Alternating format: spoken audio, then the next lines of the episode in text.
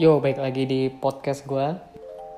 Negara ini dan uh, hidup kita itu terbentuk akan sebuah sistem, betul nggak sih? Kita semua itu punya sistem. Bahkan kita dari lahir itu sudah terjamah oleh sistem. Kita harus membuat yang namanya akte kelahiran. Untuk apa? Untuk kita bisa bersandar, bersejajar, masuk ke dalam sistem kependudukan kenegaraan dari negara Republik Indonesia ini. Kita dari lahir udah masuk sistem, udah punya akte. Belum ngapa-ngapain, kita baru brojol aja gitu. Belum ngapa-ngapain, kita baru brojol doang. Udah punya akte. Gunanya apa? Untuk masuk ke dalam sebuah sistem terdaftar. Semakin kita besar, semakin kita masuk ke dalam sistem-sistem lainnya. Bahkan lo lahir lu nggak ngapa-ngapain ya. Lu tuh sudah terdaftar sebagai penduduk negara dan lu masuk ke dalam sistem hierarki uh, kependudukan ya. ada RT ada RW bahkan ada sistem kepala keluarga bapak lu sendiri. Atau kalau maaf udah nggak ada ya ibu lu sendiri. Intinya orang tua lo setelah itu ada RT RW kelurahan kecamatan uh, wali kota bupati gubernur dan presiden itu kita belum ngapa-ngapain ya. belum ngapa-ngapain ditambah lu masuk SD ya. ada sistem sekolah ya. posisi lo apa sebagai itu sebagai uh, pelajar di atas pelajar masih ada pengajar guru ya masih ada dan sistemnya itu juga udah rumit ya pelajar. Pelajar sendiri aja ada sistemnya. Ada ada mungkin kalau lu udah SMP SMA ada ketua ada osisnya. Ya, ada organisasi lain. Ada organisasi ekstrakurikuler misalkan ya. Ada rohis dan segala macam begitupun lu masuk ke SMP masuk ke SMA kerja dan sebagainya. Sistem itu kan selalu ada. Itu berputar di dalam sistem karena manusia itu makhluk sosial. Jadi kita membutuhkan orang lain orang lain membutuhkan kita dan dari jaring-jaring laba-laba tersebut terbentuklah yang disebut dengan sistem. Sekarang gue punya pertanyaan mendasar. Gimana kalau kalian tidak suka dengan sistem tersebut lu sekolah nih. Gimana kalau lu nggak suka dengan sistem sekolah lu aturan sekolah lu? Misalkan ada aturannya leneh gitu ya. Kayak yang kemarin gue lihat di Line Today kalau nggak salah. Hari garis hari ini. Gue melihat di garis hari ini tuh ada es uh, sekolah di Padang kalau nggak salah ya yang mewajibkan muridnya memakai hijab, kerudung, jilbab. Padahal dia orang non-is. Itu sebuah sistem. Kalau gimana kalau lu nggak suka dengan sistem aturan tersebut? Lu, lu sebagai orang non-is di sekolah tersebut dan lu nggak suka dengan aturan tersebut. Itu yang pertama. Terus gimana kalau misalkan lu nggak suka dengan aturan kampus, aturan uh, yang tidak dituliskan gitu ya. Misalkan aturan dosen yang tidak dituliskan. Ini seorang dosen ini misalkan ada seorang dosen yang semena-mena ngasih tugas semena-mena ngasih nilai semena-mena seenak jidat pokoknya. Dia merubah uh, apa namanya? Merubah uh, apa namanya? Merubah jadwal perkuliahan seenak jidat.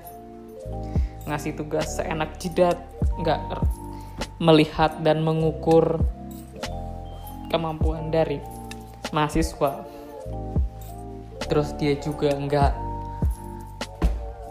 ngasih nilai yang sepadan gitu kan. Seenak-enak jidatnya dia aja. Seenak-enak jidat terserah sih bahasa itu enak-enak jidat seenak-enak udah pokoknya intinya itu. Gimana kalau kayak gitu? Gimana kalau atau lu nggak suka dengan sistem pemerintahan di komplek lu gitu? Misalkan Pak RT terlalu diktator atau Pak RW-nya terlalu diktator jadi uh, semuanya harus ngikut dengan programnya dia semuanya harus meskipun kadang programnya nyeleneh dan saya enak-enak dia aja misalkan dia tiba-tiba saya mau bikin dangdutan pokoknya ya semua orang harus ngikut gitu kan harus bayar iuran untuk mengadakan dangdutan. Kenapa? Karena Pak RW-nya suka dangdut gitu misalkan. Atau Pak RW-nya suka dengan datengin biduan segala macam jadi mau nggak mau kita harus bayar uang iuran untuk apa pesta dangdut gitu. Atau Pak RW-nya suka dengan tontonan bola gitu. Jadi setiap Manchester United main kita harus nobar. Nobar itu kan butuh listrik, dan semacam-macamnya ya konsumsi dan layar tancapnya belum dibeli laptop siapa internet siapa buat streaming jadi harus bayar iuran buat pak RW-nya nonton layar tancap gitu. Nah terus gimana kalau lo nggak suka dengan sistem-sistem tersebut gitu ya? Menurut gue banyak orang yang gak suka dengan sistem dan itu baik. Sistem itu tidak ada yang 100% diciptakan untuk semua orang gitu ya. Satu sistem itu diciptakan oleh uh, sebuah, peraturan itu diciptakan memang khusus dikhususkan oleh orang-orang tertentu. Kayak jadi contoh gue ambil sekolah gitu ya.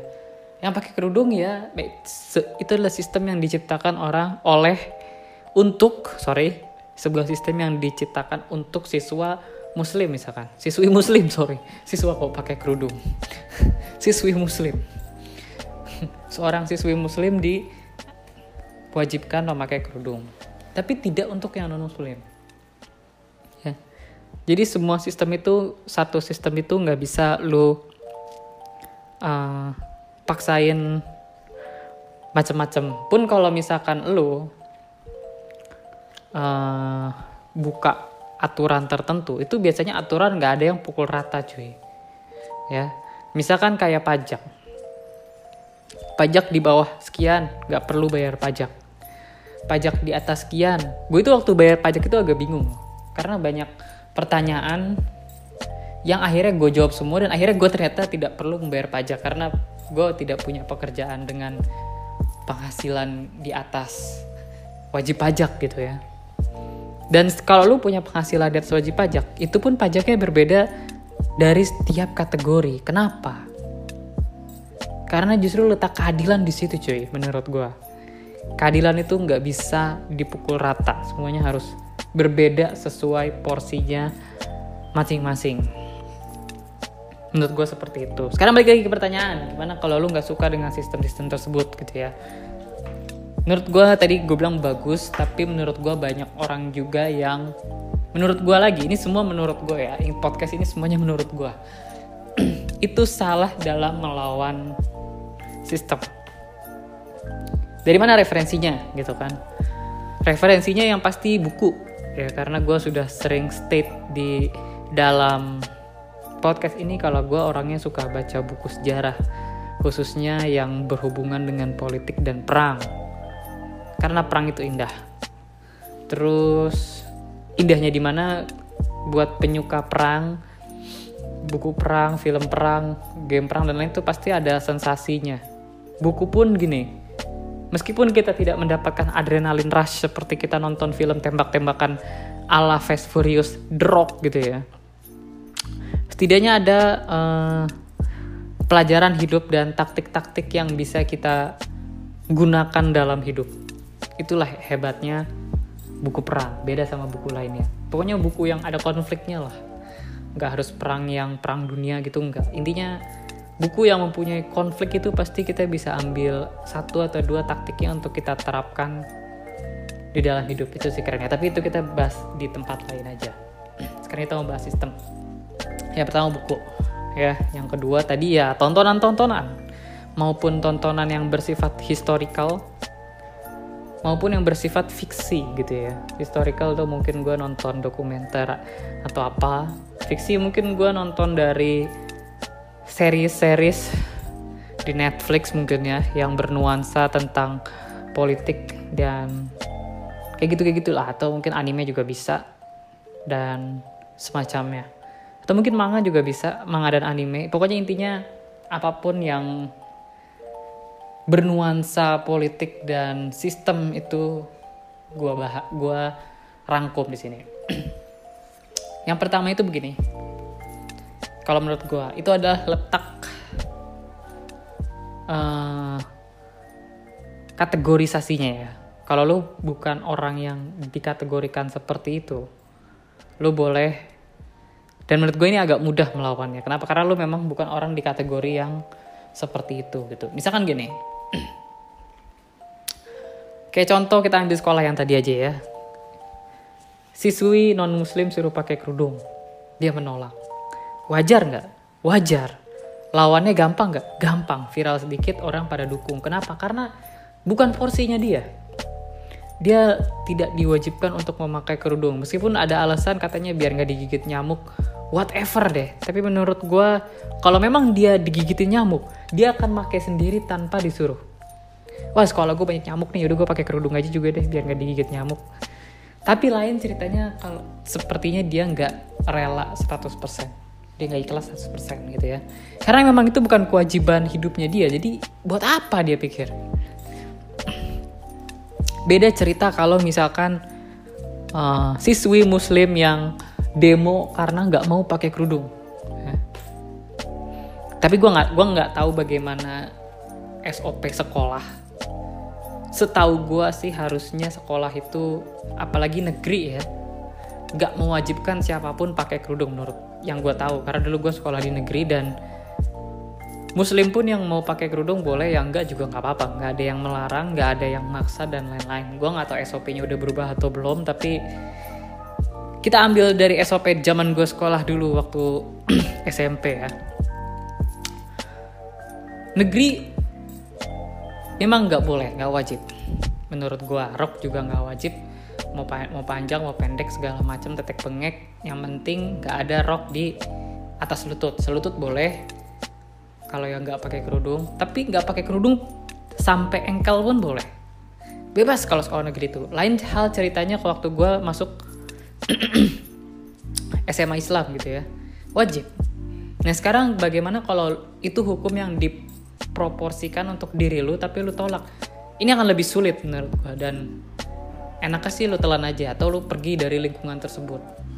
Ibarat kata siswa sekolah Islam siswi sorry siswi sekolah Islam demo karena nggak mau pakai kerudung ya gimana coba? Ini udah pertama menurut gue sudah nggak masuk akal gitu loh. Terus orang yang bukan siswi di situ mendukung lagi. Katanya untuk apalah gitu. Untuk kebebasan bernegara nggak ngerti lah gue bahasa-bahasa orang zaman sekarang tuh. Kalau lagi berdebat online apalagi urusan politik gitu ya. Untuk kebebasan bernegara katanya. Semua orang berhak memilih uh, jalannya masing-masing. Itu menurut gue lucu. Banyak orang sebenarnya skalanya banyak sih. Nggak cuma di sekolah aja. Skalanya sampai negara pun itu menurut gue banyak. Gue menemukan banyak demo yang aneh gitu. Kenapa nih demo aneh? Karena menurut gue ini demo satu dia demo yang sudah proporsinya tapi tetap di demo gitu. Ya. Itu yang pertama. Yang kedua yang lucu adalah yang bukan proporsinya ikut demo gitu kan. Coba kita pakai pakai kasus sekolah tadi biar gampang. Ibarat kata siswa laki-laki demo karena ingin siswi tidak diwajibkan memakai kerudung. Masuk akal nggak? Siswa yang demo. Siswa mendukung siswi muslim untuk tidak memakai kerudung. Misalkan gitu ya. Aneh. Gak masuk akal. Siapa yang mau nanggepin semua uh, aspirasi siswa laki-laki? Siswa laki-laki ngomong sampai berbusa juga nggak bakal ditangkepin. Kenapa? Karena itu aturan proporsinya bukan buat dia.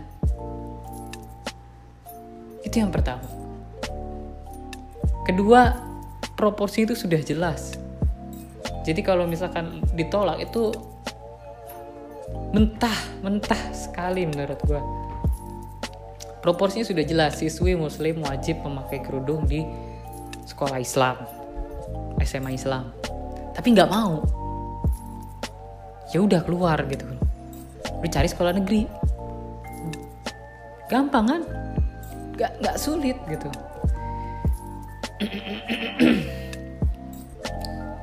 Kenapa?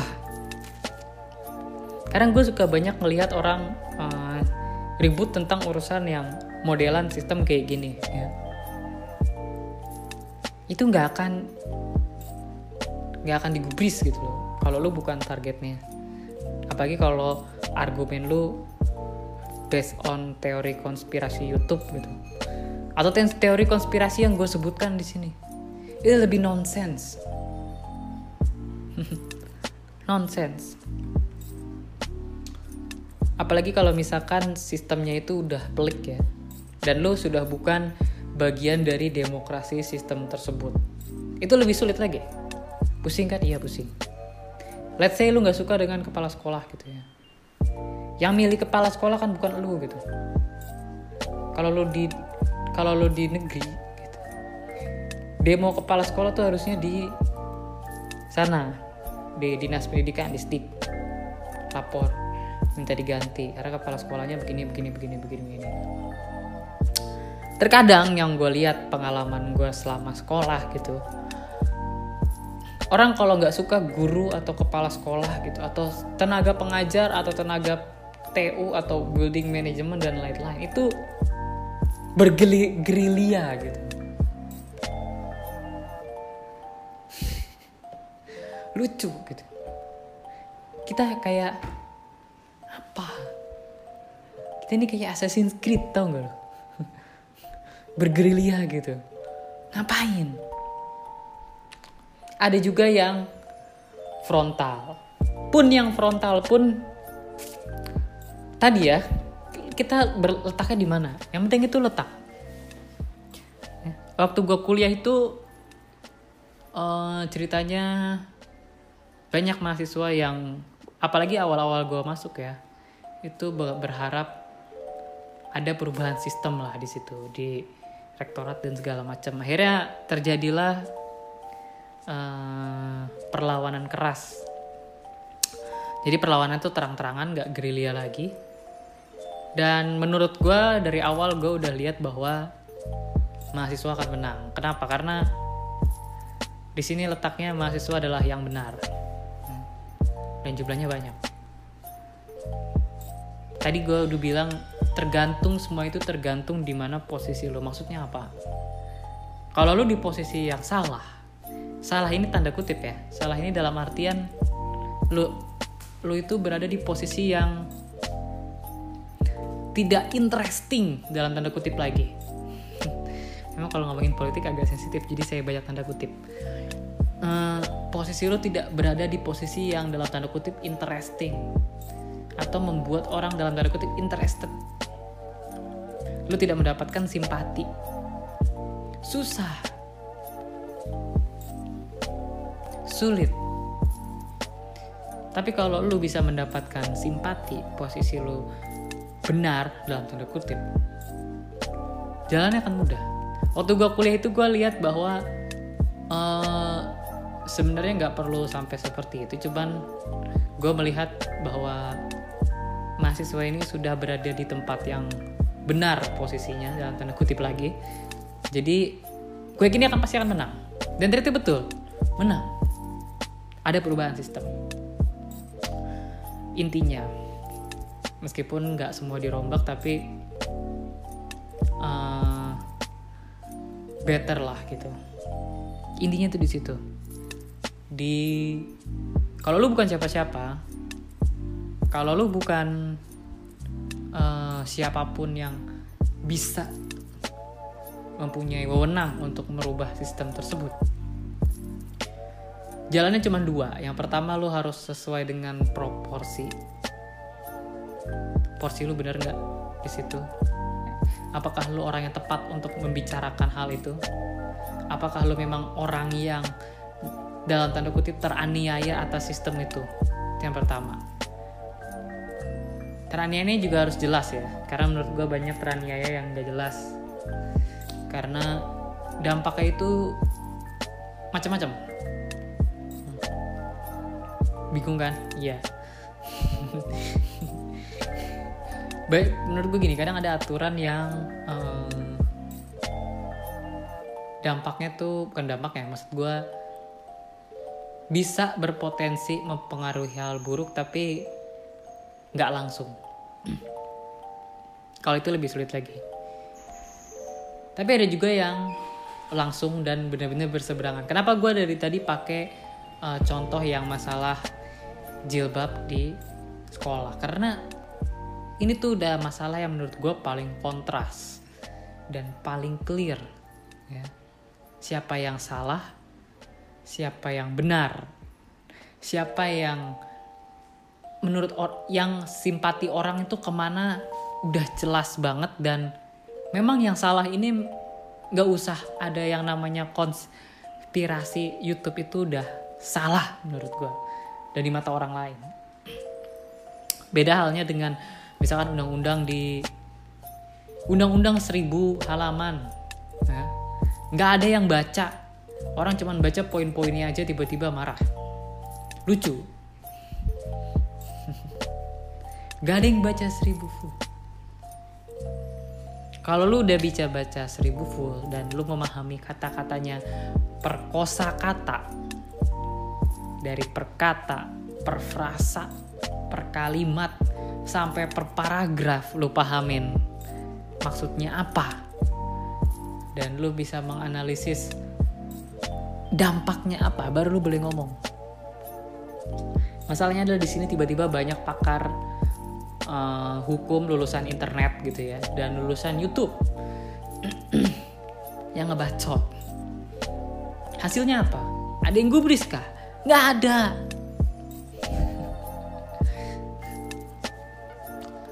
Nggak ada.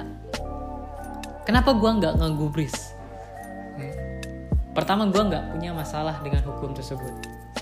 Most hukum gue tuh nggak nggak terdampak lah. Ya kan? Gue pernah dengar suatu quote gue lupa gue sih nonton di YouTube gue lupa siapa youtubernya. Gue lupa judul kontennya. Pokoknya dia tuh ngomong gini. Kalau nggak salah dia seorang pelawak apa stand up comedian apa gimana nggak ngerti gue pokoknya dia ngelawak aja. Dia ngomong begini.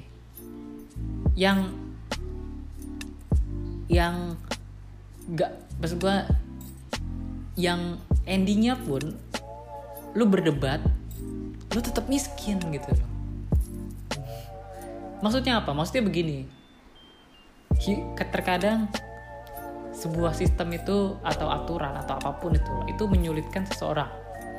Ini yang gue takut dari maksud dia ya. Tapi kalau sistem itu dilepas apakah kehidupan seseorang itu berpengaruh gitu misalnya? Kalau ada dengan gak adanya tuh hukum hidup lu begitu-begitu aja kenapa harus pusing? Itulah yang gue laku, rasakan selama ini. Ada sebuah hukum baru gitu ya. Ngaruh nggak?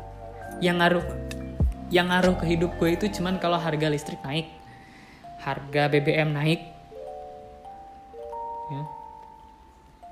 listrik BBM dan internet naik itu baru mempengaruhi hidup gue tapi kalau misalkan selebihnya dari itu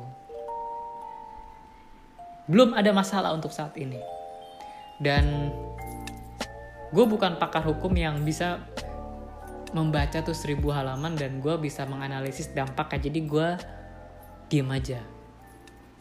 Nah sekarang yang ultimate. Gimana caranya kalau lu nggak suka dengan sebuah hukum atau sistem? Dan lu ingin merubahnya? Cara simpel dan sederhana adalah jadilah bagian dari hukum tersebut. Itu yang gue tunggu lo pikir gue diam-diam aja fine fine aja dengan let's say negara ini gitu. Menurut gue enggak. Tapi kenapa gue diem? Karena mostly gue nggak punya power. Kayak gitu. Apa yang gue lakukan? Kalau lu jadi orang-orang yang nggak suka dengan let's say lu nggak suka dengan pak rt lu gitu lu nggak usah ngebacot jadilah rt di pemilihan berikutnya selama lu belum jadi RT udah lu telan aja gitu. Ini adalah bentuk apa gitu. Hukum tuh begitu. Sistem dan hukum tidak bisa menyenangkan semua orang. Ada beberapa hukum di negara ini yang gue suka malah. Menguntungkan. Tapi ada beberapa yang kayaknya gue biasa aja dan ada beberapa yang gue nggak suka. Dan itu wajar menurut gue setiap warga negara itu punya hukum yang dia suka hukum yang dia biasa aja dalam artian nggak ngefek ke hidupnya. Dan hukum yang memberatkan mereka itu udah. Tapi lo apik lihat lagi kenapa itu memberatkan? Siapa yang salah? Hukumnya kah? Atau elunya? Masalahnya mostly adalah yang salah itu adalah elunya. Kita kasih contoh begini. Di sekolah nggak boleh kabur ya. karena kalau kabur kena SP kalau bolos. Memberatkan anak-anak yang bandel dong. Aduh sekarang SP lagi. Atau sekarang udah upgrade jadi scores. Dulu cuman SP sialan nih kepala sekolah yang baru. Bikin ribet aja dulu cuman SP sekarang scores. Memberatkan mereka. Hukum SP menjadi scores untuk cabut. Itu memberatkan mereka. Tapi di sini siapa yang salah ayo. Kepala sekolahnya kah? Atau sang, si anak-anak bangor yang emang pengen cabut aja dan kena hukuman ringan? Coba pikirin lagi.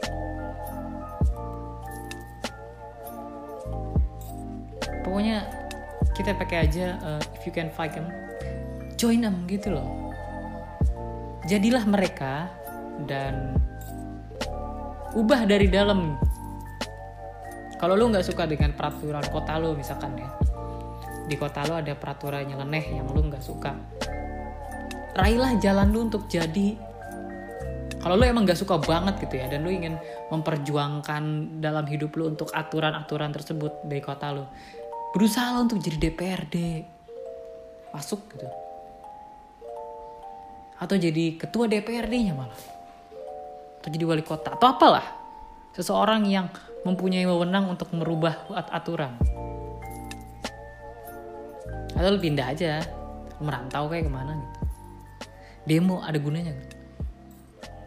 mau selisih enggak change.org ada gunanya enggak mau selisih enggak gue bukan ingin mematahkan semangat perjuangan tapi perjuangan buta itu menurut gue nggak ada artinya sama aja kayak penjajah orang Indonesia nggak suka sama Belanda ya. Orang Indonesia bergerilya segala macam tetek bengek, serang serang sana serang sini. Merdeka nggak kita? Enggak. Yang memerdekakan kita adalah orang-orang yang with a plan. Orang-orang yang mempunyai ide, orang-orang yang mempunyai gagasan, dan dia bisa apa ya? Dia bisa mengesahkan gagasannya. Pak Karno and the Gang gitu kan. Pak Karno and the Gang adalah orang-orang dengan gagasan. Di mana gagasan-gagasan tersebut dia bisa lakukan. Kenapa? Karena dia adalah orang yang berwenang di situ. Kalau misalkan kalau misalkan lo cuman jadi tentara pakai bambu runcing ya lu cuman ngebunuh 10 10 company merdeka nggak? Nggak bakal. Itulah maksud gua. Lawan tuh dengan gagasan. Pak Karno mungkin belum pernah nembak yang namanya company itu belum pernah Bung Hatta itu nggak pernah nusuk pakai bambu runcing company Jepang itu nggak pernah tangan dia bersih tidak bersimbah darah tapi kenapa bisa merdeka di tangan mereka coba? Gagasan. Maksud gue tuh begitu. Orang kita tuh kebanyakan senengnya tuh main lumpur, kotor-kotoran gitu loh. Gak suka sedikit keluar-keluar. Cucut, cucut, cacat, cucut, cacat, cucut. Terus pergi ke balai kota, demo situ. Useless.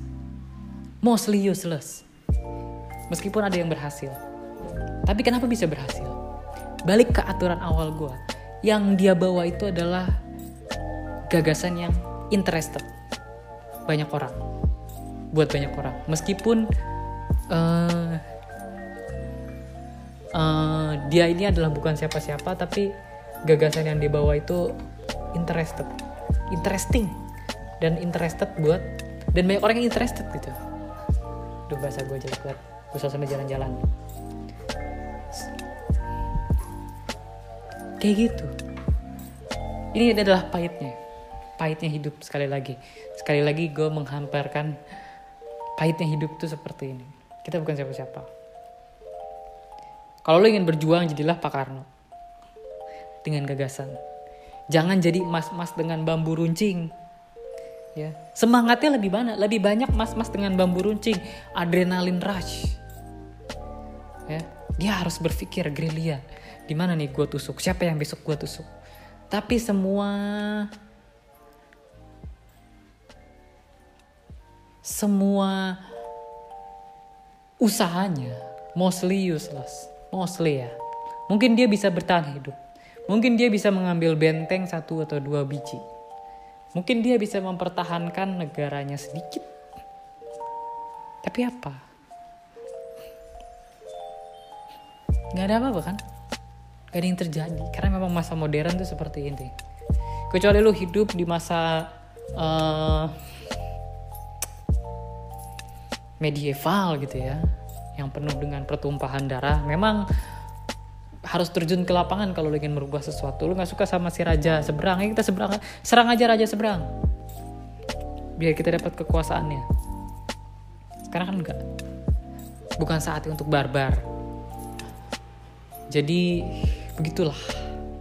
Udah kan cara cantik tadi gue untuk penutup ya. Jadilah Pak Karno. Jangan jadi mas-mas dengan bambu runcing. Meskipun gue tetap menghargai usahanya mereka berdua. Tapi kalian tahu mana yang lebih influential jadi sampai di sini episode minggu ini. Sampai bertemu minggu depan. Bye